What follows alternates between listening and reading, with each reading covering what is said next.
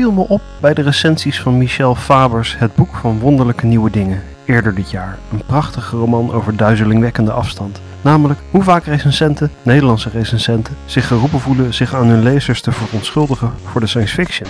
Hoe vaak ze iets schrijven als, ah, dit is eigenlijk geen science fiction, het is een filosofische roman die zijn setting gebruikt om iets duidelijk te maken. Alsof dat niet gewoon een teken is van goede science fiction. Slaapzacht Johnny Idaho is de jongste roman van Auke Hulst, uitgekomen in januari van dit jaar, 2015. Het boek gaat over drie personages die ronddolen in een kunstmatige, hyperkapitalistische eilandstaat. Het is inderdaad een vrij on-Nederlands boek, maar in plaats van het daarmee te complimenteren, zag ik ook hier het ongemak van critici, zoals Jeroen Vullings, die iets wat neerbuigend schreef over de, tussen aanhalingstekens, geheel eigen wereld van Auke Hulst. Terwijl de wereld in het boek voor veel mensen van mijn generatie volgens mij een stuk herkenbaarder is dan die van de traditionele literatuur. Grappig ook hoe het in de gamewereld precies omgekeerd lijkt. Daar is science fiction, of genrefictie in het algemeen, juist een voorwaarde om serieus genomen te worden. Ook niet ideaal, maar toch. Dit alles leek me goed materiaal voor de Hybrid Writers podcast, waarnaar je nu, inderdaad, luistert. Een serie gesprekken met romanschrijvers over hoe ze werken, maar ook over hybride interesses, genres die in elkaar overlopen en kunstvormen waarmee datzelfde gebeurt. Auke Hulst, doorgebroken met de roman Kinderen van het Ruige Land in 2013 over zijn jeugd in Oost-Groningen, is naast schrijver bijvoorbeeld ook journalist en muzikant. En op de binnenflappen van slaapzacht Johnny Idaho staat een prikkelende landkaart. We spreken bij hem thuis af, op de hoogste verdieping van zo'n mooi scheef pand in de Amsterdamse binnenstad. Je moet helemaal naar boven, zegt hij door de intercom. Ik bestijg een aanzienlijke reeks steile trappen en eenmaal boven mompel ik buiten adem dat Auke Hulst gasten automatisch hun conditie prijsgeven. Hij beweert nooit journalisten thuis te ontvangen, maar dit is anders. Ik ben een collega en we hebben de stilte nodig voor de opname. De helikopter die boven ons hoofd cirkelt, omdat er in de hoofdstad altijd iets aan de hand is. En de koelkast die aanslaat, omdat er in de hoofdstad altijd dingen zijn die niet mogen bederven, die nemen we voor lief. We gaan zitten in de keuken en de schrijver maakt een kopje thee voor mij. Sterrenmunt, als ik het me tenminste goed herinner. Want de opname die stampte al van half april en bleef vervolgens veel te lang op de plank liggen. Wat ik nog wel zeker weet is dat we niet lang over koetjes en kalfjes spraken. Integendeel, we gingen meteen aan de slag. Luister mee naar mijn gesprek met Auke Hulst. Ehm, ik schrijf op meerdere computers en ik maak notities in, uh, in notitieboekjes. Ehm, mijn laatste boek heb ik geschreven op een gigantische iMac. Toen had ik wat geld over en ik dacht, ik koop gewoon het grootste scherm dat ik kan vinden. Nou, dat, dat tik ik op en dan hang ik achterover in mijn stoel en dan met mijn vingers uh, op, mijn, op mijn touchpad kan ik de letters heel groot maken. En dan zit ik gewoon als een bejaarde naar, naar een soort van groot letterboek te kijken. Maar tegelijk heb ik mijn laptop openstaan. Dus ik, heb, ik werk eigenlijk tegelijk op twee computers. En die laptop gebruik ik om te researchen. En soms ook als ik onderweg ben om stukjes te schrijven, die ik dan weer uitwissel en in het uh, grote bestand toevoeg. Of niet, als het slecht is. En soms ook wel als het slecht is, maar dat blijkt dan later. Hoe gaat die uitwisseling dan? Mail je dat dan naar jezelf? Of, of... Nee, via Dropbox. Dropbox, ja. Dus die draait op allebei de machines en dan gooi je alles in. Ja, drop. Nou, en soms mail ik mezelf. Um, maar wat ik vooral doe is als ik op straat loop en ik heb niks bij me om iets op te schrijven, dan stuur ik met mijn telefoon een mailtje naar mezelf met een idee of een zin. Of, dus ik mail mezelf ook geregeld. En dat zijn dus ook de, de echte kleine ideetjes. Je hebt niet nog bijvoorbeeld een, een, een notitieprogramma zoals Evernote of zoiets dergelijks voor dat soort dingen? Nee. Dat is misschien ook al wel genoeg. Ja. En wat voor software uh, schrijf je dan? Ik schrijf in Pages. De, de Apple variant ja. op Word uh, in feite. Ja. Heb, je, heb je daar nog een soort overtuiging bij? Of ben je er fan van? Of is het gewoon wat er toevallig op die mooie grote iMac stond? Nou, ik, ben, ik werk al heel lang op Apple computers. Eigenlijk al, nou, voordat Steve Jobs terugkwam. Dus dan, dan hebben we het jaren 90. Dan hebben we het over begin jaren 90. En dan, ja, je went gewoon aan dingen. En op een zeker moment zat Pages erop en daar ben ik gewend aan geraakt. En ik heb wel Word ooit uh, geïnstalleerd en het geprobeerd. Maar ja, ik ben toch maar gewoon teruggegaan. Een gewoonte mens. En hoe gaat het dan als je een, een Word-file naar je uitgever moet sturen? Of verwacht hij, verwacht dat niet? Dat nou, de huidige, schrijvers hoor. vroeger was, was de uitwisseling Pages Word heel slecht. Maar daar hebben ze gelukkig wat aan gedaan. Het is geen enkel punt meer. Ik kan, gewoon exporteren, ik kan het exporteren als, als Word-bestand. En wat ik meestal doe is en exporteren als Word-bestand en als PDF. Wat om de hele kinderachtige reden is dat ik ook altijd, in, eh, terwijl ik aan het schrijven ben, met de opmaak zit te klooien. Want ik wil dat het, er, dat het er ook gewoon uitziet zoals het er ongeveer uit gaat zien. Qua inspring en ook qua uh, zinslengte zodat het verschil in ritme tussen wat er op het scherm te zien is en wat er in het boek uiteindelijk komt, niet heel anders is. Het leest gewoon heel anders als je, als je zinnen twee keer zo lang zijn. Ja, zeker. Maar betekent dat dan dat je niet op A4-formaat werkt? Of, of dus met hele grote letters? Of? Ik heb hele grote documentmarges, zodat het ongeveer een boekpagina is. Komt de pagina's in het midden te staan in feite. klopt. Ja, en dat, dat, dat stuur ik dan als, als pdf ook mee, omdat ik gewoon wil dat mijn redacteur het leest zonder zich een seconde druk te hoeven maken over uitwisselingsproblemen. Of dat, weet je, van, dat, dat gebeurt soms wel. Want dan, dan heb jij bepaalde lettertypes en dan heeft die andere lettertypes niet. En dan wordt het gewoon verstierd. Uh, ja, en het, of het verspringt dan net naar een andere pagina terwijl je er zoveel ja, zorg dus, in had gestoken. Um, dus ik wil, ik wil dat het gelezen wordt met zo min mogelijk afleiding. En, en dat idee van het, dat het eruit ziet als een boek, is, is dat dan ook in het schrijfproces al, al zo belangrijk voor je? Voelt het dan anders? Ja, soms heb ik dat gewoon ook het vertrouwen nodig. Om, dan ziet het er uh, geloofwaardig uit. Uh, en dan kan ik mezelf wijsmaken dat ik een boek aan het schrijven ben. Ik kan er helemaal niet tegen om te schrijven. Soms gebeurt het, dan begin je aan een stuk of zo voor de krant. En dan ben je vergeten om je interlinie aan te passen. Dat dan staan de regels te dicht op elkaar. Dat is een soort van claustrofobische tekst verschrikkelijk. Of je bent vergeten uit te vullen. Vind ik ook heel erg. Voor mij is, is, een, is, een, is, het, is tekst ook heel erg een visueel iets. Grappig dat het zo nou, nou luistert. Dat heb ik ook nog niet zo gehoord, uh, moet ik zeggen. ik weet niet wat dat verder betekent, maar dat... Nou, gewoon dat ik, dat ik, in, dat ik in, een totale autist ben. en zit die hele tekst, uh, die dan een nieuw boek wordt, zit in één groot lang pages bestand? Of werk je ook wel eens ehm, met uh, bijvoorbeeld per hoofdstuk een, oh, het vers? Uh, verschilt per boek. En bij Slaapzacht Johnny Idaho zat alles in één bestand. Bij Kinderen van het Ruige Land had ik meerdere bestanden, volgens mij. Nee, dat verschilt per boek en ik weet niet waarom. Ja. Dus als je nu gaat vragen waarom, geen, geen, geen idee. Dat, geen dat ontstaat organisch ergens in het proces waar ik zelf op een gegeven moment tegenaan liep, is hè, dan ben je dus op een gegeven moment uh, ontzettend aan het zoeken als je, als je wil weten waar ook weer iets stond wat je even terug wil vinden. Uh, hoe, hoe doe je dat dan? Ben je de hele tijd aan het scrollen of uh, gebruik je de zoekfunctie? Ik gebruik soms de zoekfunctie, maar ik, ik heb een redelijk visueel geheugen, dus het is, ik, ik weet waar het staat. Dus het is, ik heb het meestal vrij snel gevonden, maar anders gebruik ik de zoekfunctie, want ik weet wel, gebruik ik gewoon een, een vrij uh, weinig voorkomend woord waarvan ik weet dat het voorkomt in het stukje dat ik zoek.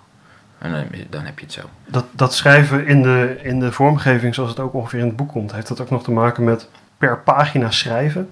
Je hoort wel schrijvers die hebben, die hebben het over ik schrijf zoveel woorden per dag of uh, ik schrijf zoveel pagina's per dag. Ik kan me voorstellen dat je met zo'n layout dat makkelijker kan doen. Uh, ja, maar dat, Oh, ik denk nooit aan pagina's. Ik heb wel een tijdje bij dat, dit boek... Dat is wel een mooie soort tegenstelling. Dat je schrijft in, in die vormgeving van een pagina, maar niet denkt daarin. Ja, maar Althans verlegd. Ja, maar omdat het, omdat het dus een visueel ding is en niet een, uh, niet een kwantiteitsding. Ik heb bij dit boek, bij Slaapstad Johnny Idaho wel... toen ik mezelf op gang moest trekken... Ik heb echt heel erg geworsteld met dat boek uh, heb ik op mezelf op een zeker moment een, uh, een, een, uh, een quotum gegeven. Ik moest, ik moest duizend woorden per dag schrijven. En dat lukte geregeld, maar ook geregeld niet. Maar het, ik, ik haalde wel heel veel energie uit als het een keer lukte. En als het dan in een week drie keer lukte of vier keer lukte, dan kon ik die andere drie dagen kon ik wel verdragen dat het niet lukte. Ik kom zo nog terug op waarom dit dan zo'n moeilijk boek was om, om te schrijven. Maar ik heb nog een paar praktische dingetjes. Heb je wel eens geëxperimenteerd met alternatieve schrijf-apps? Je hebt een aantal van die apps die dan je fullscreen laten schrijven en je niks aan de, de vormgeving laten doen. En, en de, de, de intentie hebben dat je je helemaal alleen maar op dat schrijven kan, kan richten. Heb je daar wel eens naar gekeken? Uh, nee, maar wat ik wel doe uh, als ik aan het schrijven ben, is dat ik hem altijd op schermvullend zet. Dat wil niet zeggen dat de pagina het hele beeld vormt, maar dat je gewoon zwarte kaders hebt naast de pagina. Zodat er niks is op je, uh, op je bureaublad wat afleidt. En dan heb je dus ook nog die eh, laptop erbij, waardoor je daar kan researchen. Daar kan ik researchen. Dus ik De gebruik- hele dag staat alleen maar die pagina op jouw, op jouw Nou, ik kan, niet zo heel, ik kan niet zo heel lang achter elkaar geconcentreerd schrijven. Dus ehm laat ik zeggen dat de schermvullende eh, weergave geregeld uitgaat voor schandelijk werkvermijdend gedrag. Via Netflix of andere ellende. Maar je kan in ieder geval wel goed voor jezelf in de gaten houden of je eh, werk aan het ontwijken bent of aan het schrijven bent. Ik weet heel goed wanneer ik werk aan het ontwijken ben. 80% van de tijd. Hoe doe je dat eigenlijk als je... eh, Je hebt ook allerlei journalistieke klussen Ja. tegelijkertijd, denk ik. Of neem je vrij daarvan als je een boek gaat schrijven? Hoe, hoe maak je die combinatie? Nou, dat is heel erg veranderd met de jaren. In het begin, ja, kijk, dan kun je gewoon niet anders. Je moet het tegelijk doen, want er is geen geld. Dus je moet gewoon geld verdienen. En daardoor is het werkproces aan een roman wel wat hapsnap. Maar met elk nieuw boek kreeg ik meer ruimte, financiële ruimte, om eh, vrij te nemen. Bij Kinderen van het Drageland heb ik een aantal keer langdurig vrijgenomen. Of langdurig is dan drie maanden of zo. Ja, dat vind ik wel heel langdurig. Ja, dat vond. Nou ja, dat, dat, dat is niet zo langdurig als je aan een boek werkt. Dat is, Ja. eh, dat is een beetje het probleem. En doordat dat, dat boek heeft heel goed verkocht, waardoor ik opeens best wel wat geld had. En ik kreeg ook opeens een grotere beurs van het Letterenfonds. Dus ik, met Slaapzacht Johnny Idaho verkeerde ik in de uitzonderlijke positie, voor mij dan, dat ik anderhalf jaar à twee jaar zou kunnen werken zonder me zorgen te hoeven maken. Dat wil niet zeggen dat ik ondertussen niet toch klus heb aangenomen, want er komen gewoon dingen voorbij die ik leuk vind. Eh, maar ik hoefde op zich niks te doen voor de centen. Dat verandert dan misschien ook wel weer de aard van dat journalistieke werk. Absoluut, want je selecteert dus gewoon puur op. eh, nou ja, dat wil ik gewoon heel, heel graag doen. Nou, ja, bijvoorbeeld wat tussendoor kwam was. Wil je Murakami interviewen? Zei, nee, sorry, geen tijd. Nou, daar was ik gewoon al. Ik zat al jaren achter die man aan. Ik ben, ik, nou, dat bestond niet dat ik dat niet ging doen. En dan, ja, nou, dat kost je dan een paar weken. Duurde het iets langer met, met dat boek. Nou ja, jammer dan, maar dat wilde ik dan wel doen. Dus ik heb wel dingen gedaan en je leest ook dingen die je wil bespreken. En dat doe ik dan ook wel. Dus ik heb wel wat reisdingen gedaan en eh, wat, eh, wat besprekingen. Maar heel veel, min, eh, beduidend minder dan anders. Ja. Ik dacht, dat wordt dus veel makkelijker om dit boek te schrijven. En, en het werd dus het moeilijkste boek voor mij. Maar dat heeft denk ik niet zozeer te maken... Nou, misschien heeft het er ook wel mee te maken dat ik zoveel tijd had om het, om het er stuk op te staren. Ik, ik vind zelf ook eh, dat journalistieke werk tussendoor eh, heel fijn, omdat het wel een bepaalde urgentie geeft. En als je dan bij van spreken 's ochtends een stuk zit te schrijven dat je moet inleveren, dan heb je smiddags nog die snelheid waarmee je dan bijvoorbeeld aan, aan die roman verder kan. Ja, nou ja, maar heel veel journalistiek werk wat ik doe, of journalistiek, is het als journalistiek. Het, er zit niet echt een, eh, een. Ik werk bijna nooit op deadline. Ja. Dus, dus die druk zit er, die moet ik voor mezelf maken. Eh, ik, ik heb ook to-do-lijstjes van: oké, deze week moet dit af. Maar het is niet zozeer omdat ik anders slagen krijg van de redactie. Het is alleen maar omdat ik mezelf dan zo in mensen teleurstel als het niet lukt. Je wil een bepaalde productie hebben, je wil iets, iets betekenen voor de wereld. Hè? Ik vul het even in. Wil ik iets betekenen voor de wereld? Nee. Nou ja, misschien wel, maar zo denk ik niet over. Nee, zo denk ik nooit over mijn werk. Dit gaat dus vanuit een soort eh, interne interesse in die onderwerpen. Daarom ga je er iets mee doen. Ja, en dan heb ik gezegd dat ik het ga doen. En, maar dan voel ik me ook heel erg verplicht om het te doen.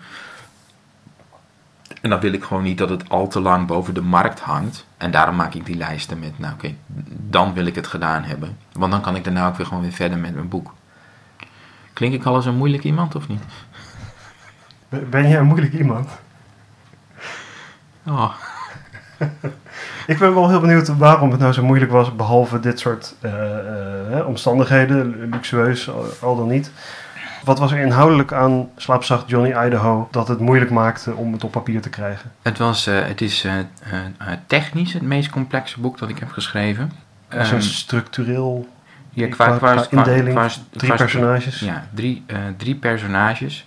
Dus drie stemmen, maar eigenlijk vier stemmen, omdat één personage en in eerste persoon is. Maar er zitten ook nog flashbacks in, lange flashbacks, in derde persoon. Er zit, het is deels in tegenwoordige tijd, deels in verleden tijd. En het is een. Ik moet dit verhaal misschien even anders beginnen. Ik kwam uit Kinderen van het Ruigeland. En Kinderen van het Ruigeland is. Dat staat zo verschrikkelijk dicht bij me. Dat was niet zo heel moeilijk om te schrijven. Dat vloeide vrij natuurlijk uit me. Ook omdat eh, dat is in één stem. En die stem, dat is gewoon mijn stem. Dat is mijn natuurlijke stem. Dus dat maakt dat boek vrij makkelijk. Was het dan ook je intentie om een zo anders mogelijk boek te maken? Ik maak altijd met elk boek een zo ander mogelijk boek, omdat ik, ja, ik vind, anders verveel ik me ermee. Nee, ik wil mezelf wel, ik wil mezelf wel uitdagen. En ik, had het, ik heb het me hier gewoon behoorlijk moeilijk gemaakt. Door, dus door die, door die drie of vier stemmen. Doordat ik in principe, zoals ik dan zelf altijd zeg, een hele wereld uit mijn kont moet trekken. Ik ga dus van een wereld die, die ik heel goed ken, omdat het gewoon mijn eigen jeugd is. Waar ik elke vierkante centimeter van ken. Waar ik heel weinig hoef te verzinnen naar, waar ik iets, naar een wereld die ik helemaal moet bouwen. Eh, Je bent bij zo'n autobiografische werk misschien meer bezig met dingen eh, weglaten. ja, Omdat het anders te ingewikkeld wordt. Klopt. Of eh, dat soort Ja. overwegingen. Dan, hè, dan inderdaad, er moet nog een nieuw personage bedacht worden. Nou, uiteindelijk heb ik bij Slaapzacht Johnny Idaho... aan het eind kom je ook weer op het punt van dat de dingen weg moeten. Want als je zo'n wereld aan het bouwen bent...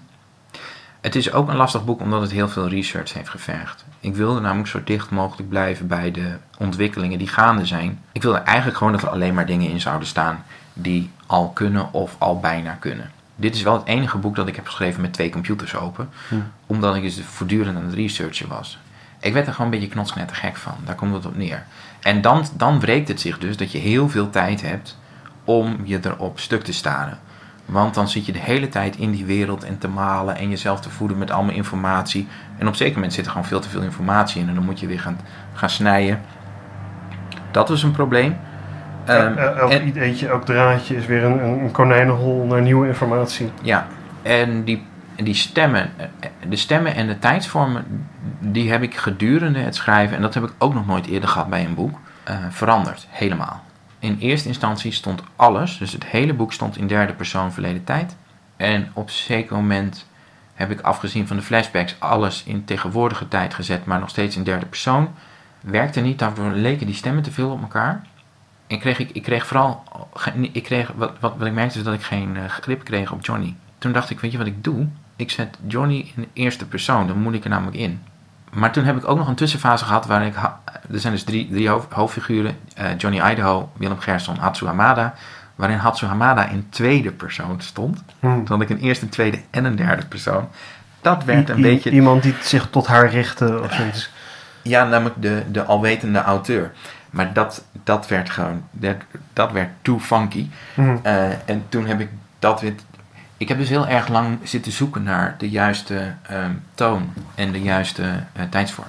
En dat zijn wel soort inderdaad dingen die je kan permitteren als je die ruimte hebt eh, om te schrijven. Ja, dat kun, je, dat, dat kun je permitteren. En dat, in die zin is het ook een immens leerzaam boek geweest voor mij. Maar hij- nou ja, daarom was het het moeilijkste boek voor mij om te schrijven. En eh, ik, ik las dat je het ook deels in, in Tokio hebt geschreven. Ja, dat was dan weer niet zo heel lastig. Dat was echt zo fijn. Ik heb niet eens zo heel lang, ik heb elf dagen in Tokio gezeten. Eh, hotelkamer, een mooi uitzicht over eh, Shinjuku. En daar zitten schrijven. En dat was ook omdat ik, eh, die, dat grootstedelijke, dat is natuurlijk heel belangrijk in het boek. Het, het was, ik, heb ook, ik ging ook heel veel naar buiten research doen. En, ehm, er zit een scène in, in het zelfmoordbos onder Mount Fuji. Daar ben ik ook naartoe geweest. Dus het was om te researchen. Maar ik heb daar, heel, ik heb daar makkelijk de duizend woorden per dag gehaald. Terwijl ik de hele tijd de deur uit was. Hm. Dus dat was heel erg inspirerend. Ja, wat ook suggereert dat je juist je dag vol moet hebben met andere dingen om, eh, om, te- om veel te kunnen schrijven. Of, of denk je Nou. niet van dat, dat ga ik voortaan anders doen? Nou ja, is, is het, nou is het ook wel goed? Het ding met die situatie daar was dat alles wat ik buiten de deur deed, bijna wel in dienst stond van het boek. Al, het was wel allemaal research. En ik had verder niks om. Ik, ik had geen eh, sociale context om me heen die me aan het afleiden was. Of eh, ah, ik had mijn e-mail wel. Ik kreeg wel e-mail, maar ik kon daar toch niks aan doen. Dus er is niks wat je afleidt. En dan wordt het heel makkelijk. Sowieso, hoe gaat dat bij jou in zijn werk? Begin je aan het begin en schrijf je tot het einde of is het non-lineairder dan dat? Het is veel en het is zeker non-lineairder. Ik heb bij al mijn boeken volgens mij in eerste instantie het begin en het eind gehad. Maar wel een, een redelijk idee van de, de, de, de reis daartussen. Zowel begin als eind herschrijf ik wel door dingen die, eh, die gebeuren in het, in het stuk ertussen. Waardoor de betekenis van het eind kan veranderen. Of je iets no- nodig gaat hebben in het begin. Het verandert nog wel, maar het, dat heb ik tenminste een soort van houvast. En, en begin en eind, waarom is dat? Is dat het eerste wat in je opkomt? Is het zo simpel als dat? Eh, eh, mm, ja. Nou, dat- ook dat verschilt weer per boek. Ehm, Hoe was dat bij eh Ja, Slaapzacht? ja, dat, dat is misschien wel een ap- apart geval. Eigenlijk is het in elk, geval, in elk geval een apart geval. Kinderen van het Ruige Land heeft een raamstructuur. En daardoor ligt het voor de hand om, eh, om het begin en het eind al te hebben. Want dat is namelijk het raam. Bij Slaapzacht, ja, ik zeg nu dat ik het begin en het eind als eerste, maar dat is niet waar. Dat boek is ooit begonnen heel lang geleden. Het, wat ik het eerst had was de titel. Eh, die titel heb ik al meer dan twintig jaar. Eh, maar dat zat op een, op een kort verhaal dat heel slecht was. Ja, ik was ook maar gewoon een broekie. Ik kon er nog niet veel van. Maar die titel vond ik wel, die had iets. En het suggereert ook heel veel. En het heeft, ten eerste ik ontzettend van die klank Idaho. Eh, Maar ook het slaap zacht. Het is, het, het, het, het aan de ene kant is het lieflijk, maar het suggereert ook de dood. Er zit heel veel lading in. En de dood speelt een hele grote rol in het boek. Dus als schrijvende kreeg de titel ook weer meer diepte. Maar toen heb ik heel lang, eh, heel lang die titel alleen maar gehad. En op zeker moment, meer dan tien jaar geleden, had ik één scène. Toen ben ik begonnen aan het boek. En toen had ik alleen maar de scène van Johnny Idaho, een, een, een, naam, een vrij naamloze Amerikaanse tiener, op een vluchtelingenschip. Vluchtelingenschip nadert een groep artificiële eilanden in de Stille Oceaan, gesticht door multinationals. Dat wist ik al. Maar ik had verder nog niks. En toen heb ik dat weer heel lang laten liggen. Die scène zit enigszins herschreven, maar zit nog steeds in het boek. Ik, ik moet zeggen, ik vroeg me wel af waarom nou toch die artificiële eilandengroep nodig was. Had het boek zich niet in, in, in Tokio voor mijn part kunnen afspelen? Eh, of misschien wel gewoon eh, hier op de Zuidas. Nou, nou kijk, het, het, het boek gaat uiteindelijk. Oh, het gaat over heel veel dingen, maar een van de dingen waar het over gaat is sense of entitlement bij een bepaalde klasse, namelijk de hogere klasse. Ik, ik ben eh, heel, heel veel over dit boek gaan nadenken na, na het begin van de crisis. En toen was er ook heel veel kritiek en ook wel resentiment tegen de financiële sector, nog steeds wel. Maar toen was het behoorlijk met uh, Occupy en uh, toen was het heel, heel behoorlijk. En ik zat, toen dacht ik van ja, wat, wat zou je nou doen als, als multinational zijnde als het je te heet onder de voeten wordt? Dan begin je voor jezelf, je eigen land. Maar dat is natuurlijk eigenlijk wat er sowieso al aan de hand is. Het, het, het, schoolvoorbeeld is Apple. Apple betaalt nauwelijks belasting omdat ze in zekere zin boven de landen zweven en hun, hun, uh, hun geldstromen zo organiseren en, en laten, over de wereld laten stromen dat ze geen belasting hoeven te betalen. En dat hele idee van wij mogen wel aan de wereld onttrekken, maar wij hoeven niet aan de wereld terug te geven, dat was de essentie. En volgens mij, kijk, dat kun je heel abstract vertellen, maar je kunt het ook heel visueel maken, namelijk door gewoon een land voor grote bedrijven waar de bedrijven de overheid vormen. En die eilandengroep bestaat dan ook nog, ook weer iets om visueel te maken, uit vier eilanden die, die een sociale klasse representeren. Zodat je dat ook niet al te abstract en filosofisch allemaal hoeft uit te leggen, maar dat je het gewoon tastbaar maakt. Dit is wat er aan de hand is in de wereld. Er is een kloof aan het groeien tussen die, uh, tussen die sociale klassen. Die kloof is, gewoon, is hier gewoon water. Dus je, je, kunt er, je kunt heel moeilijk van de ene klasse nog naar de sociale mobiliteit is vrijwel nul. Dus dat, dat is wat ik ermee wilde. En het kwam dus voort uit het nadenken over die crisis en wat de gevolgen zouden kunnen zijn in een. Maar nu, wil, nu de, grap, de, de grap is dus dat als je aan het uh, researchen bent, dat alles wat je bedenkt gewoon al bestaat. Want wat was, dat was namelijk, uh, een, ik geloof twee jaar geleden, was er een durfinvesteerder in, uh, in Silicon Valley, die heel erg heeft gelobbyd voor een wetsvoorstel om uh, Californië op te delen in zes staten, zodat Silicon Valley zijn eigen staat zou kunnen krijgen, waardoor Silicon Valley niet meer hoefde te bloeden, zoals zij dan vinden, voor de armere delen van Californië. Dat is dus mislukt. Maar dat is natuurlijk gewoon dezelfde manier van denken. En toen las ik dat ze, nou ja, dat was mislukt, maar nu hebben, zijn ze bezig met een heel groot, uh, groot soort van uh, Turbo Veronica schip in uh, internationale wateren waar allemaal start-ups kunnen zitten. Maar wel met een pendeldienst naar San Francisco, want ze willen daar natuurlijk wel wonen. Je moest natuurlijk ook denken aan dat soort van die, uh, van die resort uh, ideeën. De, de palmboom bij uh, ja, Dubai klopt, en ja. dat soort zaken. Ja, Ik, ik had wel bij het lezen het gevoel dat element, die kunstmatige wereld, die ook nog hè, door bedrijven geëxploiteerd wordt, dat dat wel het meest science fiction-achtige element van het hele boek is. Dus eigenlijk, het, als je begint, de, de, de stap Mhm. om te beginnen en om erin te komen, dat is eigenlijk de, de grootste technologische stap die je maakt. klopt. Ja, dat snap ik. Maar goed, als dat je idee was, als het daar begon, Ja, dan het is is- het niet mogelijk om dat Nee, het is, het is, lichter... het is heel belangrijk. Nou ja, ik, ik ben mezelf, ik was mezelf niet zo heel erg bewust, maar ik ben sindsdien wel bewust geworden van de drempel die je opwerkt met de suggestie van een genre. Er zijn gewoon heel veel mensen die het dan uitschakelen.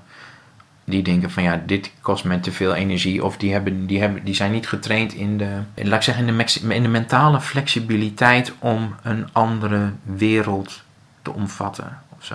Is dat, dit is een vraag waar ik zelf ook Mhm. over heb nagedacht, maar is dat, is dat iets Nederlands? Als je kijkt naar eh, Amerika en de, de, de, de Hollywood filmcultuur, eh, waarin science fiction een van de populairste genres is. Als ik ook, ik heb veel over games geschreven, als je kijkt naar Ja. games waarin het bijna zo is dat als je geen science fiction hebt, eh, dat je moeilijk en ingewikkeld bent voor, Ja. voor spelers. Nou ja, en je ziet in de Amerikaanse. Nou, nou, ik weet dan toevallig veel van de Amerikaanse en van Japanse literatuur. Je ziet in de Japanse literatuur ook. In de Amerikaanse en de Japanse dat heel veel eh, genre-elementen worden geïncorporeerd in de mainstream. Eh, wat in Nederland veel minder is, maar dat is wel aan het veranderen. Ja, maar je bent mee eens dat, dat, dat het dus in Nederland anders is dan in andere delen van de Die, wereld. die, die segregatie tussen de genres is daar veel strikt, is hier veel strikter dan, Ja. eh, dan elders. Heb je ideeën over hoe dat komt? Ja, Nederland loopt gewoon achter. Het is niet anders. Weet je, die, die segregatie was ook zo strikt in Amerika in 1970. Die opmerking van alles in Nederland, alles gebeurt in Nederland 50 jaar later. Als de wereld vergaat, ga ik naar Nederland, want daar vergaat die 50 jaar later. Is wel waar. Maar je ziet, eh, je ziet daar heel veel schrijvers, Amerikaan, eh, Michael Chabon, eh, David Mitchell is een Brit trouwens, Jonathan Lethem. Er zijn allemaal schrijvers die zijn opgegroeid met science fiction en daar waarschijnlijk wel veel literaire beperkingen in hebben gezien, maar het is uiteindelijk ideeënliteratuur waar ze ook heel erg door geïnspireerd zijn geraakt. En ik vind het ook heel, kijk, ik vind het eigenlijk ook heel raar dat als je in een wereld leeft die immens aan het veranderen is, waar eh, we heel erg zouden moeten herijken, waar ideeën dus eigenlijk misschien wel belangrijker zijn dan hoe invoelbaar is een karakter, een personage. Dat je een, een, een literatuur kan hebben in een land dat eigenlijk het heden, want the future is now, nu wel, Hm. het heden soort van aan het negeren is. Maar het, het, is dus wel, het is wel aan het veranderen. Er zijn wel wat jongere schrijvers die, die, de- die het durven. Of, Je zegt eigenlijk, toen ik eh, met het boek bezig was, was ik er niet zo be- van bewust dat, er, dat die drempel er was voor, voor veel lezers. Is het trouwens een, een, is het wel echt een lezersprobleem? Of is het meer een, een literaire, elite, eh, kritische, hè, in de, de wereld van de kritiek? ik, vind dat heel, daar ik, ik vind dat heel moeilijk om. eh, ik vind het heel moeilijk om daar iets over te zeggen. Wat, het, wat ik ontdekte, wat ik eigenlijk al wel wist, het bevestigde wat ik, wat ik al wist, namelijk dat ik zelf, ik sta zelf heel erg ver van de Nederlandse literatuur af. Dat, ik lees het weinig. Dat heeft ook gewoon te maken met het feit dat ik heel erg veel ehm, over de grens moet lezen ook, omdat het mijn werk is om te bespreken.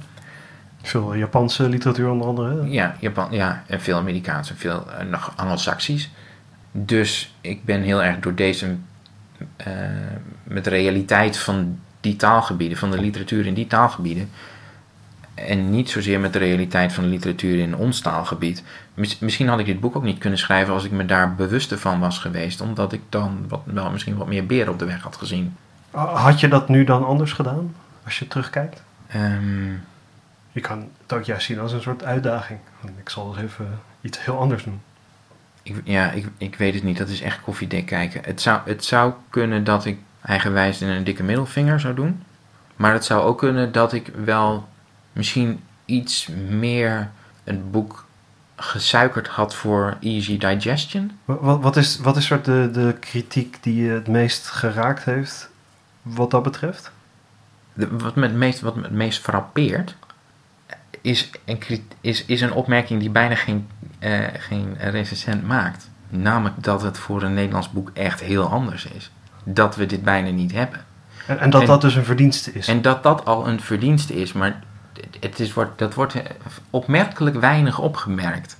Dus ja, dan denk ik, ja, is het er dan wel? Nee, het is er niet. Dus, en, maar dan, ja, maar ik, ik moet zeggen, ik, dit is wel, dat is dan wel weer het, het geluk van de jaren. Dit is wel het boek waar ik me het minst druk heb gemaakt over eh, recensies. Ook, ik heb ook heel veel goede recensies gehad, dus dan is het ook makkelijker. Ja. Maar ik heb ook wel een paar kritische gehad. Maar dat, die kon ik wel, die kon ik wel eh, ver- verdragen. Tenminste, laat ik zeggen, de kritische recensies waar eh, intellectuele energie in was gestoken, ook al was ik het er volslagen niet mee eens. Er zijn ook wel, soms dan krijg je een hele luie eh, recensie en dat hoeft dan niet eens een hele kritische te zijn, maar dat je echt denkt van Jezus Christus. Als je, nou, als je echt niet je best wil doen, bespreek het dan niet. Hou op. Ga weg. Ja, precies. Laten we met rust. Laat me met rust, ja. Maar ik mag, ja, maar ik mag absoluut niet klagen over de recensies. Dat is dus het, het, het kritische gedeelte. Heb, heb je een gevoel voor hoe de, de lezer, de, de, gewoon, hè, de mensen eh, op, op de straat die, die jouw boeken lezen, hoe die erop hebben gereageerd? Ik kan me voorstellen dat als mensen met jouw vorige roman eh, jou hebben leren kennen en, en dachten meer van hetzelfde te krijgen, dat, Dat die... ze een probleem hebben. Dat, daar was ik me trouwens wel heel erg van bewust. Ja, gewoon dat contrast. Dat contrast, maar ook als je een, een, boek hebt geschreven dat succes heeft, dat gaat, eh, it fucks with your mind. Je voelt, nou je voelt, je, je wordt gewoon onder druk gezet om meer van hetzelfde te produceren. Niet door je uitgever, maar door de lezers. Die willen... En, door het, het chemische proces in je brein. Van, eh, dit, dit deed iets, dit deed iets moois, dit wil ik meer, dit wil ik meer. Nee, daar heb ik geen last van. Oké. Sorry, ik had een onderbrakje, ga verder. Ik ben met Kinderen van het Ruigland ook heel veel, eh, heb ik heel veel opgetreden. Dus dan kom je heel erg veel in aanraking met lezers. En die ook vragen of je al met dit nieuws bezig bent. En dan, maar ook gewoon hele, hele platte vragen stellen als... eh, ga je nu een boek schrijven over je vader of zo? En dan denk ik, jezus, nee. Nee, Misschien, natuurlijk niet. misschien ook mensen die iets herkennen in jouw verhaal. En, Heel veel mensen die iets herkennen. Wa- Waar ik me bewust van, van was, was dat dat boek een bepaald soort lezer ook aanspreekt. Waardoor het ook veel kon verkopen, omdat het namelijk de gemiddelde eh, boekkoper aanspreekt. Oftewel, de iets oudere vrouw. juist. Die kan er wat mee. Daar is het niet voor geschreven, maar daar viel het wel in vruchtbare aarde. Overigens denk ik dat dat boek op een bepaalde manier te ook te lijden heeft gehad onder een bepaald beeld dat is ontstaan rond dat boek. Eh, omdat het veel minder een, eh, ja, hoe zal ik het zeggen, een, eh, platte, een, een, een, een Hollandse plattelandsgeschiedenis is Ja. dan, dan je misschien geneigd bent om te denken. Dus ik denk dat heel veel mensen die niet geïnteresseerd zijn in dat soort boeken, eigenlijk best heel veel met dat boek zouden kunnen. Hoe dan ook. Dan heb je het over de, de meer algemene, de, de literaire merites ervan. Ja, ja maar ook, het, het, het, is een, het gaat over een gezin dat heel atypisch is. Een atheïstisch gezin waar, waar, eh, waar lezen en, en, en, en allerlei andere vormen van kunst een hele belangrijke rol spelen. En dat, daar denk je niet meteen aan als je aan het over gereformeerd Groningen schrijft. Het is voor een boek dat plaatsvindt op de plek waar naar verluidt niemand meer dan drie woorden spreekt, is het nogal een, nogal een lawaaiig boek. Maar mensen hadden dus een idee over, wat, die hebben waarschijnlijk een idee gekregen over wat er nu gaat komen. En toen had ik iets anders gebakken. Ja. En, maar dat wist ik dus. Dat ik. eh, Daar maakt u dus, hè, je zei, daar maakte ik me ook wel wat zorgen over. nee, nou, ja, ik maakte me. ik- wat, ik, wat ik wist was dat ik een heel groot deel van de lezers die ik met dat boek had gewonnen kwijt zou raken. Eh, maar dat ik een ander soort lezer ervoor terug zou kunnen krijgen, maar die moet nog wel veroverd worden. Maar goed, dat is natuurlijk pas als het boek af is. Ik schrijf een boek in principe voor mezelf. De lezer interesseert me niet zo heel veel. Lijkt me ook een gezonde... Totdat het, Instelling. totdat het af is. En dan wil je natuurlijk gewoon dat er zoveel mogelijk van verkocht wordt. En dat iedereen het mooi vindt en het leest. En, eh, En, en dat je tot in het einde der tijden nieuwe boeken kan, Ja, kan dat schrijven. Dat is precies voor- zoals jij dat wil. ja, hè, dat, idee. is waar het om gaat. En wat, een, en wat bij Slaapzacht een hele grote rol speelde, was dat de uitgeverij, door het succes van het boek daarvoor. eh, en door het enthousiasme, vooral bij Libris boekhandels, over dat vorige boek. De inkoop van Slaapzacht was. De eerste druk was heel groot. De inkoop was heel fors. En er stond heel veel eh, druk op voor mij opeens. Ik, ik, ik verkeerde altijd in de, in de schaduwen. Mhm. Eh, en nu opeens wordt er in je geïnvesteerd en zitten mensen, verwachten mensen van alles van je. Nog veel erger dan het schrijven van het boek was de periode na het schrijven van het boek. Ik heb het echt bar slecht gehad. Drie maanden. Ik ben er nu, het, is nu, het is nu goed, maar Het is natuurlijk ook de tijd waarin je, of, eh, een, een periode waarin je zelf ook haast niks kan doen. Wat kan je doen? Je kan eh, dingen op eh, Facebook zetten, bij wijze van spreken. ja, dat is het. Ja. Meer kun je niet doen. Dus dat is een heel machteloos Ja. uitgangspunt. Ja, maar ik weet je, het is niet zo.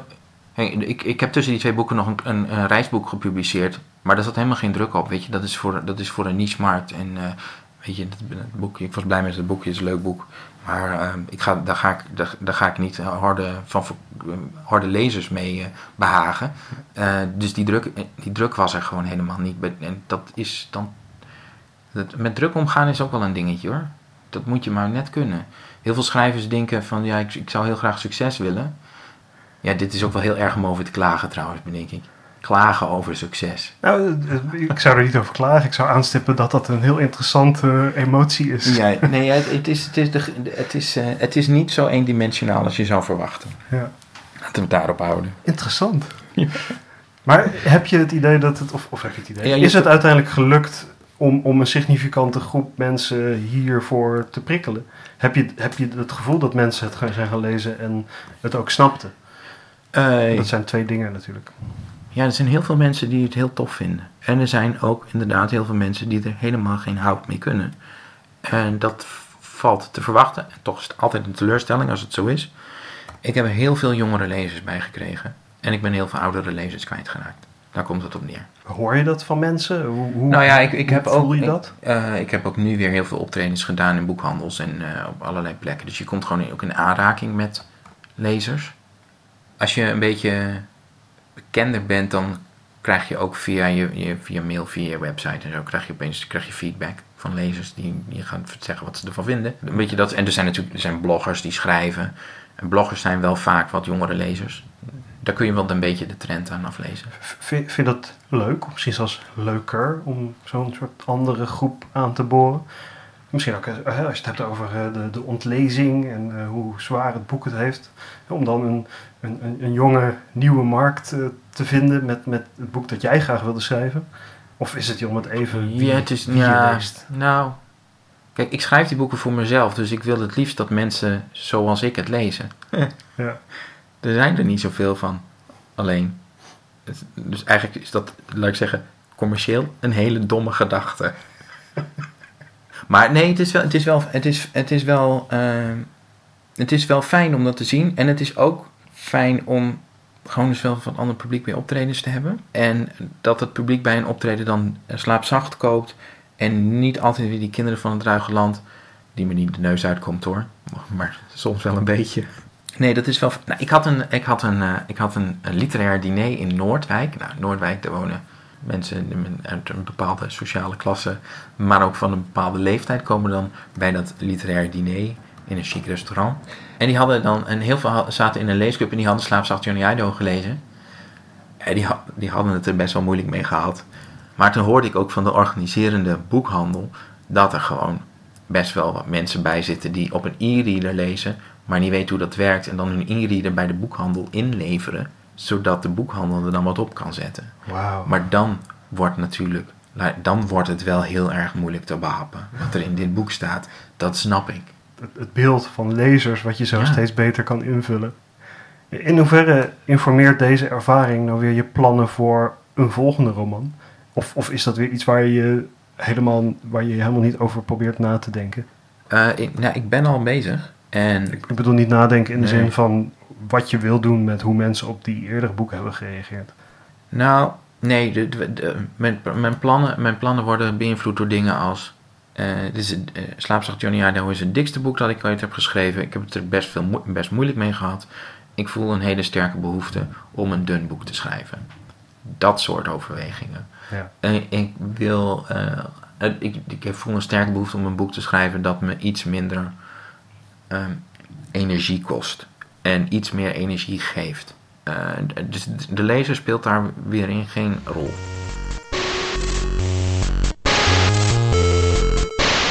We hadden het eerder al even over Haruki Murakami. Net als Auke behoor ik tot die groep mensen die ooit, jaren geleden, als een blok viel voor deze Japanse schrijver, die nog altijd niet die veel voorspelde Nobelprijs voor de literatuur won. Het magisch realisme, het prettig gonzende gewone, de toegankelijke subtiliteit, als je begrijpt wat ik bedoel. Inmiddels heb ik alsmans werk uit en zit ik aan mijn tax, denk ik. Zijn laatste boeken vielen me nogal tegen, wat waarschijnlijk vooral betekent dat ik nodig iets anders moet gaan doen. Al ligt er ergens in mijn hoofd nog wel een essay te rijpen over Murakami en games. Auke deed wat toch wel het hoogst haalbare moet zijn voor een Nederlandse Murakami-liefhebber. Hij vloog naar Hawaii om de man daar voor NRC Handelsblad te interviewen. Stikjaloers was ik, natuurlijk, al zeg ik er meteen bij dat ik het nooit zo goed had kunnen doen als Auke Hulst. Daar hebben we het dus maar niet over gehad. Maar om iets dieper in te gaan op die Japanse schrijver, dat was onvermijdelijk. We hadden het net al even over uh, Murakami. En ik herinner me een recensie die ik denk via jouw Facebookpagina las, uh, waarin uh, werd gemopperd over het feit dat je een bar de Pieter Cat had genoemd. Ja. Naar de, de, bar die Murakami zelf ooit had. Waaruit het, het verwijt op de een of andere voortkwam dat je... Met Murakami dweept. Het was, het was de één, één verwijzing. Het was enige knipoog naar Murakami in het hele boek. Zo zie je maar dat recensenten soms op iets springen om maar hun, hun dingetje wat ze al hebben verzonnen te kunnen staven. Zo van, ze weten dat jij die man van, van Murakami bent, Ja. dus dan gaan ze lezen met het idee. Ja, van dan, zal het wel, dan zal het wel heel erg beïnvloed zijn door. En dan zien ze één verwijzing en dan ben je dus aan het dwepen. Ja, dat is natuurlijk gewoon heel dom. Rec- recenseren is wel. Ik, omdat ik het zelf ook doe, weet ik ook een beetje hoe recenseren werkt. En ik ben mezelf ook als recensent heel erg bewust van mijn eigen beperkingen. Recenseren zegt soms iets over de tekortkomingen van een boek, maar vaak ook iets over de tekortkomingen van een recensent. En als je dat maar weet, dan is alles wel te verdragen. Voor- ik vond voor dat gewoon, trouwens, dat, dat vond ik gewoon heel grappig. Hoe kun je dat nou opschrijven? Ja. Ja. Ja. Maar, waar ik eigenlijk ook wel benieuwd was, is van... eh, je bent een, eh, een liefhebber van Murakami. In hoeverre ben je wel bezig met eerbetonen of dwepen of eh, inspiratie putten uit schrijfstijlen van andere schrijvers? In hoeverre is, is dat een, speelt dat een rol in jouw schrijfproces? Eh, niet meer, denk ik. Ja, als je begint met schrijven is het allemaal imitatie. Ja. En er zijn altijd een paar schrijvers die hebben zo'n dwingende stem dat je een soort van automatisch in hun stem gaat mee vibreren. Eh, die moet je dus ook niet lezen als je aan het schrijven bent. Ik had toen ik, toen ik een jaar of 18, 20 was, had ik het heel sterk met Kurt Vonnegut, die een hele dwingende stijl heeft. Bijna een eh, manieristische stijl. Waardoor je al vrij snel ontdekt dat je een Kurt Vonnegut boek aan het schrijven bent. Altijd. Maar als je, kijk, als je op een zeker moment heel erg veel gelezen hebt en veel geschreven hebt, dan is er een soort van potpourri ontstaan die je zelf bent. Eh, Van en- hoe jij schrijft. van hoe ik schrijf, ja. Eh, en en het- voor mij heeft, heeft eh, schrijven ook heel erg met muziek te maken. En de muzikaliteit van de zinnen, de, de ritmes, klank vind ik ook heel erg belangrijk. De klank van woorden, niet alleen de betekenis. Is net als bij een muzikant heel, is heel, heel eigen. Heel specifiek van iemand. Dus je kunt wel beïnvloed raken, maar je- als het goed is ben je het toch zelf uiteindelijk. Die, dat muzikale aspect daarvan, betekent dat dan dat je juist stilte moet hebben als je schrijft? Of Ik heb juist dat altijd muziek aan. Maar ik heb bij elk boek specifiek andere muziek aan. Ja. Eh, er, in het begin van het schrijfproces ontstaat er een soort van eh, playlist van muziek die. Het is allemaal behang. Ik moet niet mijn aandacht trekken. Maar het heeft wel een bepaalde atmosfeer. En die atmosfeer eh, die moet ook stabiel blijven. Ja. Want als, als de atmosfeer heel erg gaat veranderen, dan ga- dat, dat ga je voelen in het boek. Je, je maakt zelf ook eh, muziek, hè? Ja. Eh, in, in hoeverre is dat gerelateerd aan het roman schrijven? In hoeverre is het helemaal iets anders? Wat er heel erg anders is aan een roman schrijven ten opzichte van muziek, is de, is de, is de lengte van de inspanning. En, eh, in, en je hebt in ene geval te maken met een hele lange spanningsboog, een arc, een, een ontwikkeling die ergens in moet zitten. En, liedjes zijn heel compact. Maar er zijn voornamelijk heel erg veel overeenkomsten. En van wat ik net ook al zei, het belang van ritme, het belang van klank. Toen ik begon met schrijven, eh, deed ik dat in stilte, maar inmiddels zit ik gewoon tegen mijn computer te praten. Ik lees mee wat ik schrijf, zodat ik meteen ook de klank en het ritme voel en hoor wanneer het voor mijn gevoel niet klopt. En wat dat betreft is het net als, als zoals, je, zoals je gitaar speelt. Je speelt en je voelt of, je, of, of, of die noten kloppen, of dat ze niet kloppen, of dat de intonatie klopt, of dat het niet klopt. Het Ehm, wordt in zekere zin meer een intuïtief proces dan? nou ja, je, je, je, je, bent wel, je, je weet wel welke betekenis je, ehm, welke betekenis je aan het, aan het mededelen bent. En wat de gebeurtenissen zijn. Maar op een niveau van eh, zinsritme en, zin, en, en, en woordklank. Ik zal eh, puur op muzikale redenen eh, de, de, de constructies van zinnen veranderen. Want dan, dan loopt het, dan wordt het voor mij, dan denk ik, van, dit is te vierkant, dit loopt niet. Dit is, eh, of soms dan is de klank van een woord niet goed en dan zoek ik een synoniem met, met de juiste klank. Betekent dit ook dat als je... Maar meestal, dit klinkt, dit klinkt alsof ik het heel bewust doe. Het gebeurt bijna altijd onbewust.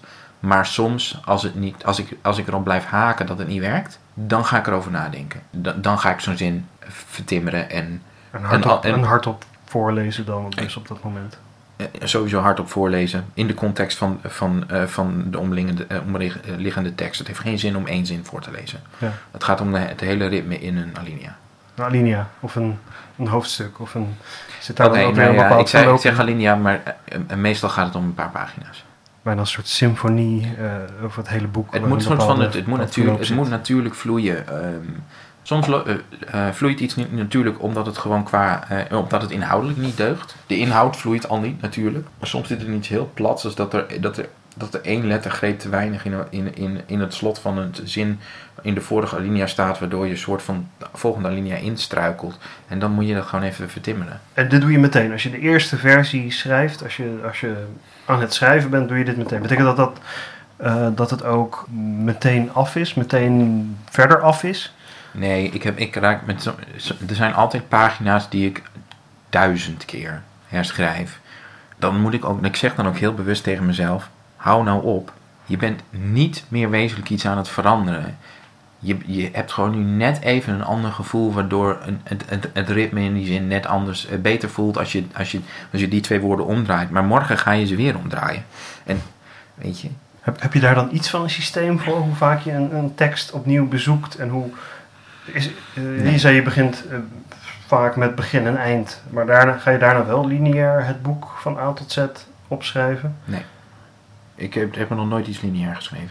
Dus het is echt gewoon een soort grote organische bende waarvan je op een gegeven moment zegt... Het woord bende is het juiste woord. Het is gewoon een bende. ik, wil trouwens straks, eh, ik wil straks nog wel wat over Murakami zeggen. Ja, daar moeten we misschien straks nog wel even op terugkomen. Murakami. Misschien moeten we nu even op Murakami terugkomen. Ja, dat kan, dat kan ook.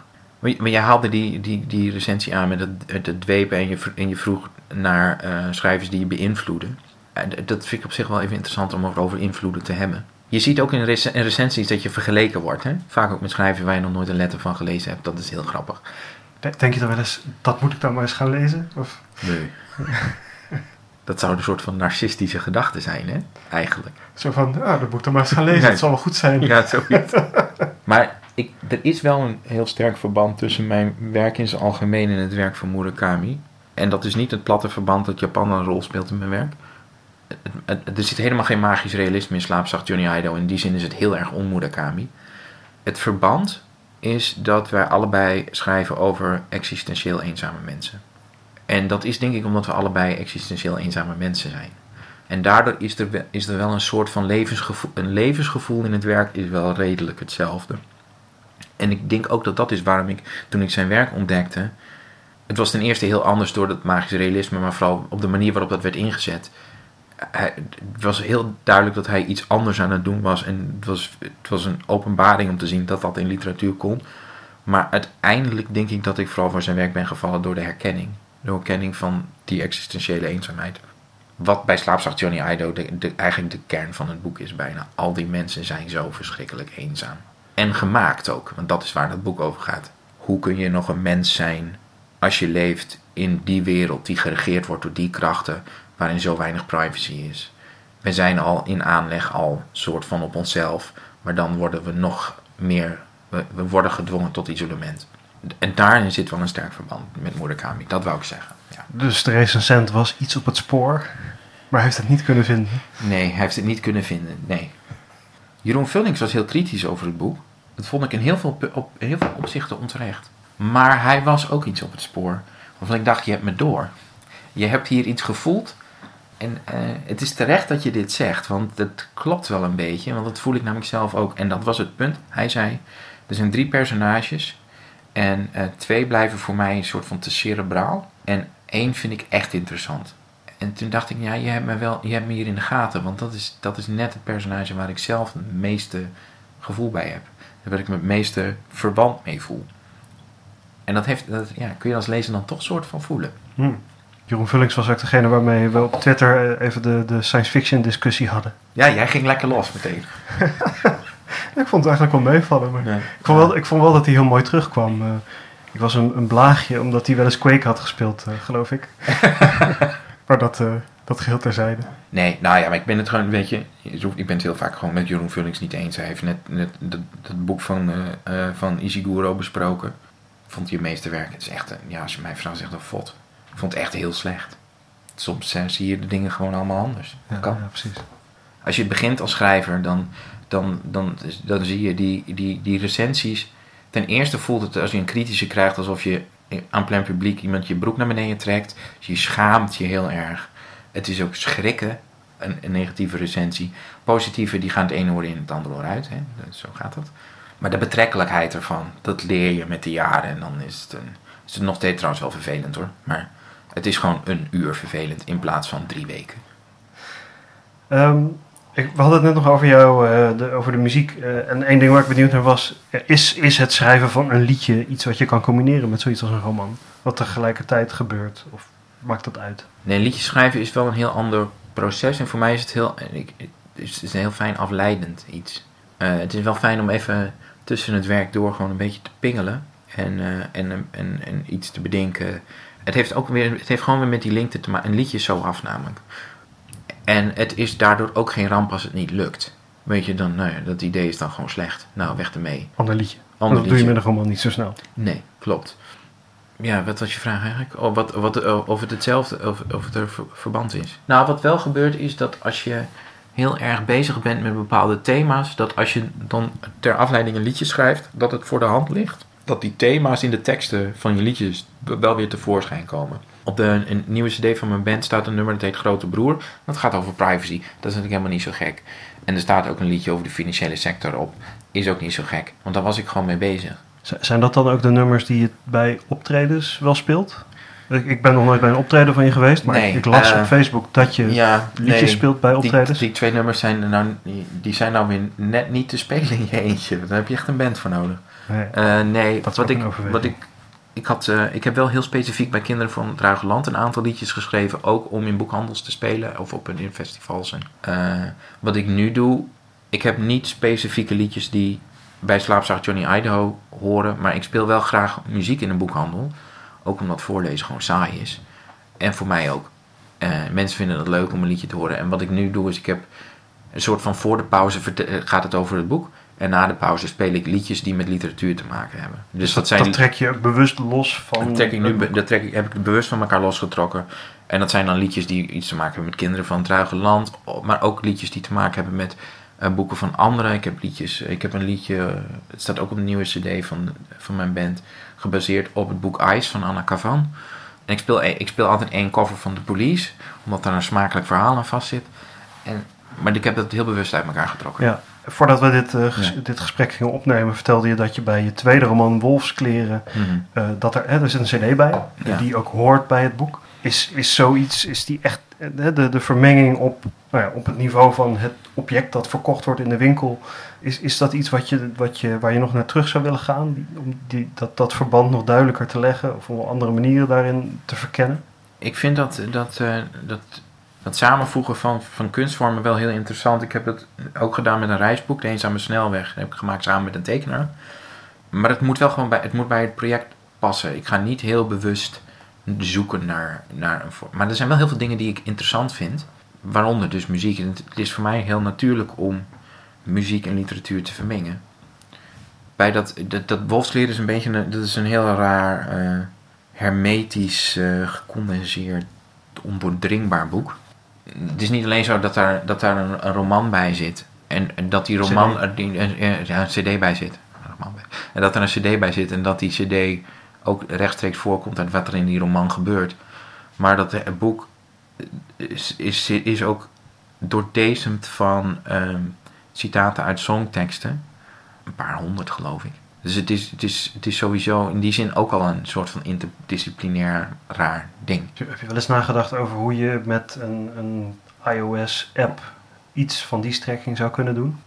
Nee, maar ik ben, ik ben wel een, eh, een digibet eigenlijk. Ja. Zegt de schrijver van Slaapzacht Johnny Idaho. Ja, dat is, ja, ik snap dat dit heel raar klinkt, maar daarom hou ik ook zo van Apple. Omdat het gewoon, het werkt gewoon. Het is, high-tech zonder dat je erover hoeft na te denken. Ik merk het ook heel erg bij, bij muziek. Muziek is natuurlijk, bij muziek opnemen, wat ik leuker vind dan optreden, komt heel erg veel techniek kijken. Eh, je hebt te maken met Pro Tools. Nou, als je echt Pro Tools goed wil kennen, dan moet je, moet je, moet je eigenlijk drie jaar naar de universiteit. MIDI is echt monsterachtig. Je weet soms niet waarom het niet werkt. Er zijn heel veel technische dingen. En ik ben een soort van hulpbehoevend daarin. Want ik, ik kan me er niet toe zetten om me, om me daarin te verdiepen. Ik kan, kan Pro Tools heel rudimentair ter gebruiken. Ik kan iets opnemen. Eh, en ik kan nieuwe sporen aanmaken. Maar eh, als wij een, een plaat aan het maken zijn, dan komt het echte technische werk van anderen. Want ik, ik weet niet, ik, ik, het lukt me gewoon niet. Ik, ik heb niet die honger naar al die technische kennis. Heb ik niet. Maar los van de technische kennis, zoiets als een iPhone of een iPad helemaal roept bij mij een soort van idee van de mogelijkheden daarvan op. En bij jou denk ik dan, je zou een tekst kunnen lezen terwijl je muziek hoort. Ja, maar ondertussen heb ik dus gewoon eigenlijk mijn, mijn tekstenwerker openstaan om schermvullend, zodat ik verder niks zie. Dat ik eigenlijk gewoon een hele grote typemachine heb op een hele dure computer. Ja. Daar komt het op neer. En dat schrijven, dat staat dus ook nog wel wat, wat ver, verder af van het, het lezen. Hoe bedoel je? Bij, over, bij, in hoeverre staat het af van het bedenken hoe het zal zijn om die tekst te lezen. En in welke situatie dat gelezen zal worden. Ik, ik heb schrijvers gesproken die er, die er een probleem mee hebben als hun boek bijvoorbeeld als, als e-book gelezen wordt. Die gewoon liever zouden willen dat het op papier wordt gelezen. Ik heb er geen probleem mee. Ik, heb, ik, ik, ik, vind wel dat eh, e-books vaak heel lelijk zijn. Want ik, dan komen we weer helemaal terug bij het begin. Dat visuele aspect van een boek vind ik heel erg belangrijk. Ik bemoei me ook tegen alle, bij, in, in, in het proces van het ontwerpen. En ik bemoei me tegen alles aan. Als ik het lettertype niet mooi vind, dan moet het een ander lettertype worden. Het is, En- het is voor mij, zo'n boek is een heel erg een totaalproduct. En zo'n e-book reduceert het tot de tekst. En voor mij is het veel meer dan een tekst. Het e-book is een soort, dat, was, dat is ook een van mijn eh, drijfveren om eh, iets met apps bijvoorbeeld te gaan doen. Mhm. Dat e-book is in, dat hele, in die hele keten het, het gedeelte waar je de minste controle over hebt. Ja. Bij mij roept dat dus op, ik moet het controleren, ik moet daar iets mee gaan doen. En wat zou je er dan verder nog mee kunnen doen? ja, nou ja, kijk, dat zou je dus in een app of je, je zou wel visueel heel veel kunnen doen waar je inderdaad controle op kan, kan uitoefenen. Misschien dat dat nog wel een keer zich voordoet hoor, dat ik aan een boek begin dat daarom vraagt. Maar het boek moet er uiteindelijk om vragen. Het komt allemaal voort uit wat het project, project vereist. Maar je, je verbeelding van wat dat project zou kunnen zijn, wordt natuurlijk wel gevormd door nou ja, je bewustzijn van wat die vorm is. Nou kijk, hier bij, bij Slaapzacht Johnny Idaho zit, zit, er, zit er een stukje cartografie aan de binnenkant van de flappen. Het is niet dat ik bij het, bij het bedenken van het boek dat al bedacht had. Dat is wat het boek vraagt. Voor mensen is in eerste instantie de stap om die wereld te begrijpen is best wel groot. En eh, als je ze al een handvat geeft, dat ze in elk geval dat je niet helemaal hoeft uit te leggen: oké, er, zijn, er zijn vier eilanden en dit eiland is dat en dit eiland is dat. Daarmee help je jezelf in de tekst heel erg. Dus toen ik merkte dat het de top zwaar aan, aan, aan, uitleg aan het worden was, dacht ik, ja, maar weet je, er een oplossing hiervoor is natuurlijk dat je gewoon een stratenplan geeft. Een, Eh, een landkaart. Wat, wat ik eerder beschreef, hè, de, de grootste science fiction in dit boek is dat idee van die, Ja. van die wereld. Eh, dat, dat kwam dus pas helemaal op het einde, dat idee voor die kaart. Eh, op twee derde ongeveer, denk ik, Ja. in het proces. Hoe heb je dat toen gedaan? Ben je cartografen gaan zoeken?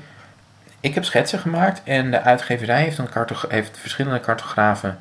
We, hebben- we hebben eerst, eh, ik heb eerst samen met mijn redacteur gekeken naar het werk van verschillende cartografen. Want we wilden ook wel een, dat het zo realistisch mogelijk was en niet zo'n soort van. je hebt ook van die, van die atlas van de, van de verbeelding en zo. En dat ziet er allemaal een beetje fantasyachtig uit. Dat willen we niet. We wilden dat het uitzag als een echte stadsplattegrond. Of hè, de, de bekende de Ja. Tolkien-achtige kaarten met Ja, nee. bergjes en Nee, krabbeltjes. absoluut niet. Dus we hebben gezocht naar een cartograaf die daar goed in is. Eh, en ook gewoon een paar, bij een aantal eh, ehm, eh, om een offerte gevraagd. De centjes spelen ook nog een rol. En ik heb uiteindelijk schetsen gemaakt. En die cartograaf, en, die cartograaf is dat gaan uitwerken. En die stuurde mij dan eh, zijn voorlopige versie. En dan zei ik, ja, maar dit moet anders, of dit moet anders, of dit, dit. En, en zo waren we aan het pingpongen. En ik heb alle namen gegeven en zo. En dus het is in een soort van, in samenwerking is dat hele ding ontstaan. Klopt het dat er online nog een soort interactieve versie is? Er is online een interactieve versie waarin ook alle kleine priegelstraatjes ook een naam hebben. Die je dus wel allemaal moest verzinnen ook.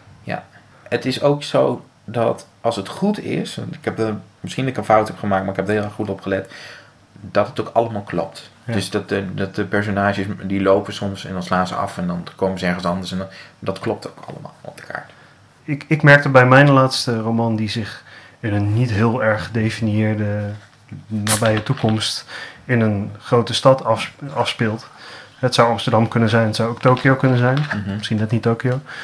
En er, ik, ik kreeg heel veel vragen van mensen over eh, meer verhalen in diezelfde wereld. Ook wel de, de personages, maar ook wel echt die wereld. Van dit is een Mhm. interessante plek, ik wil meer horen. Ja, En toen voelde ik me ineens een soort eh, zo'n fantasy schrijver die zo'n hele klopt. Die zo'n hele enorme reeks in zo'n wereld maakt. Heb jij dat soort vragen gekregen? Heb je het idee dat mensen die wereld als zodanig oppakken?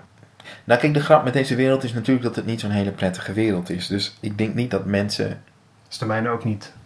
Nou, zo, zo super graag daar twaalf delen in willen verkeren. Wat ik heel veel heb teruggekregen is dat mensen als ze aan het lezen zijn in eerste instantie denken dit is best wel een eind in de toekomst en best wel ver weg. En dat ze ergens halverwege getroffen worden door de voor hun beangstigende gedachte dat dit heel dichtbij is. En eigenlijk heel herkenbaar. Eh, dat is wat ik voornamelijk heb gehoord. Dat, dat klinkt minder als dat, dat wereld, eh, in een wereld, eh, escapistisch-achtig in een wereld verdwijnen. En meer als, wat denk ik ook jouw doel was, de huidige wereld projecteren. Ja, ja, de, ja waarschijnlijk dachten ze eerst van oké, dit is een soort van nog escapistisch. En dat viel tegen. Maar dat vinden heel veel mensen dan ook juist wel weer heel erg goed. Want het, mensen vinden het ook wel fijn om een beetje de stuip op het lijf gejaagd te worden. Gewaarschuwd te worden. Gewaarschuwd te worden.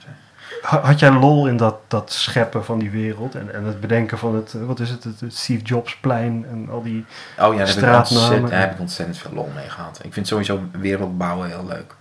Ik, ik ben, toen ik heel jong was, teken ik al eh, landkaarten van verzonnen landen. Het is wel, wel fijn dat dat nu een keer van pas kwam. Het is wel heel grappig hoe dat dan inderdaad, bijna alsof het eh, zo, zo bedoeld was, dan nu terugkomt. Ja, nou ja, weet je, je, oeuvre is gewoon een, een weerslag van wie je bent. En dat zit, dat is zo'n, dat, is, dat zit in je. En dan komt dat een keer uit. Dat is, dat is onvermijdelijk. Een, een keer een, een muziekcd, een keer een landkaart van een fictief land. Ja. Wat, wat zit er verder nog in, In mij. in, je, in, je, in je knapzak?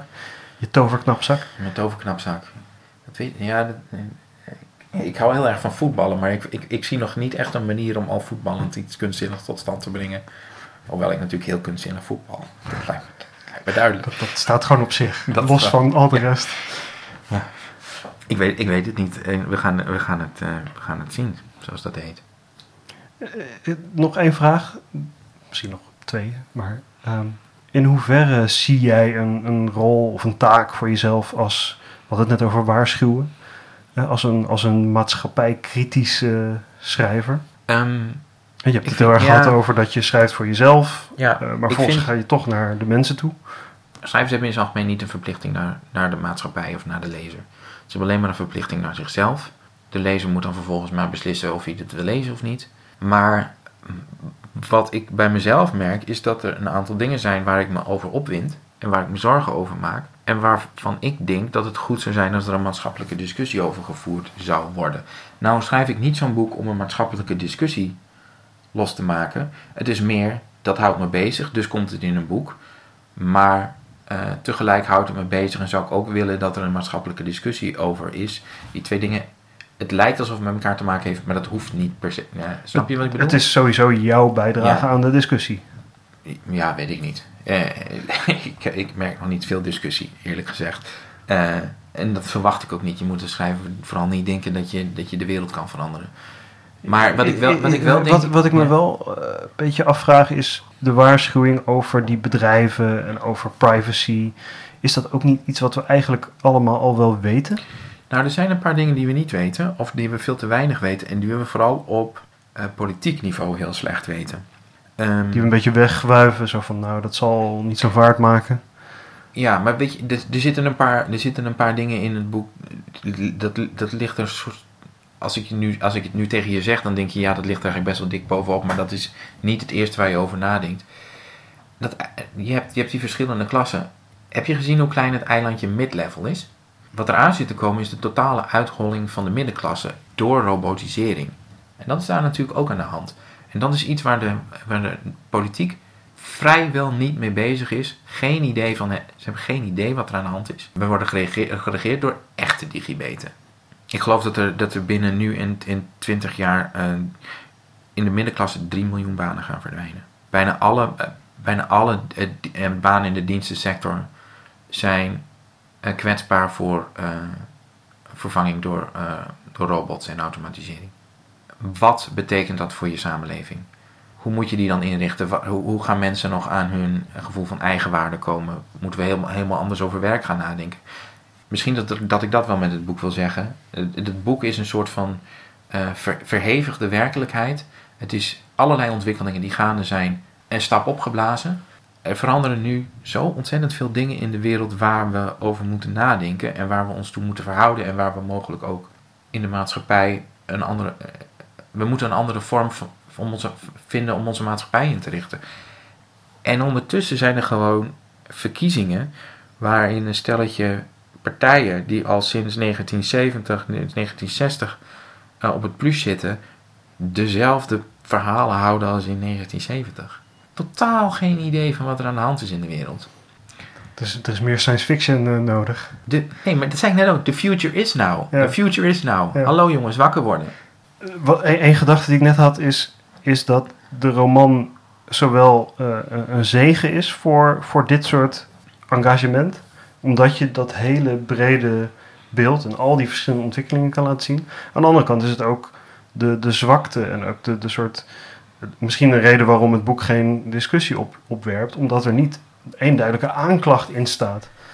Nee, nou, kijk, uiteindelijk. We hebben het nu over het geëngageerde deel van het boek, maar het boek gaat uiteindelijk voor mij dus over de existentiële eenzaamheid waartoe mensen worden veroordeeld wat, heel mensen, wat dus meer, veel meer een menselijk thema is. Het is wat je zegt over. Het, ik ben, ik ben, maar, sommige maar, mensen halen. Maar ook het idee dat door die technologische ontwikkelingen.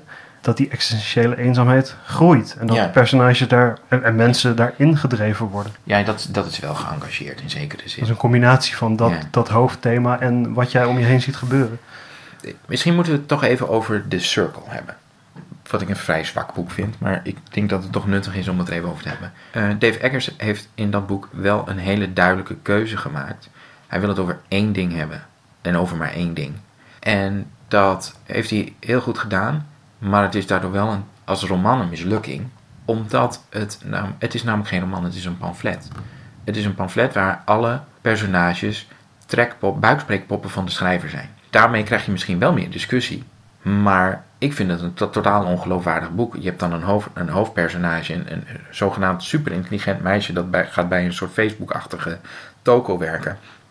En loopt daar, terwijl zij hyper, hyper intelligent schijnt te zijn, volgens de heer Eggers, als een totale ditsie rond.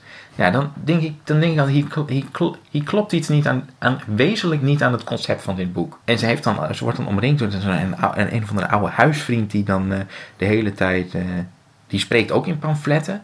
Het, het, boek is eigenlijk een verschrikking op heel veel punten. Wel goed geschreven en wel een hele duidelijke keuze.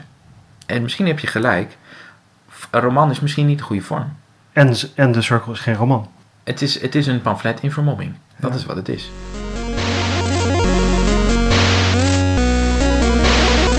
En zo eindigt mijn gesprek met Auke Hulst. Misschien moet ik mezelf hier nog even verduidelijken.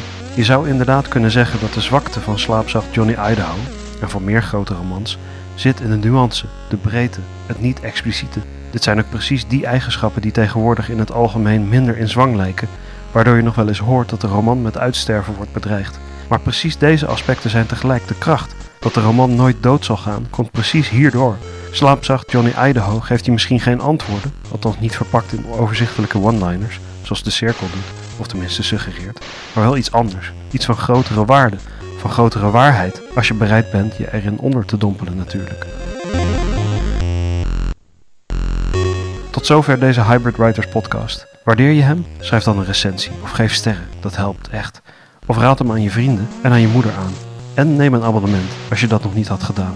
Je favoriete podcast-app zou dat heel makkelijk moeten maken. En als die dat niet doet, heb je een andere podcast-app nodig. Binnenkort hoor je hier meer schrijversgesprekken.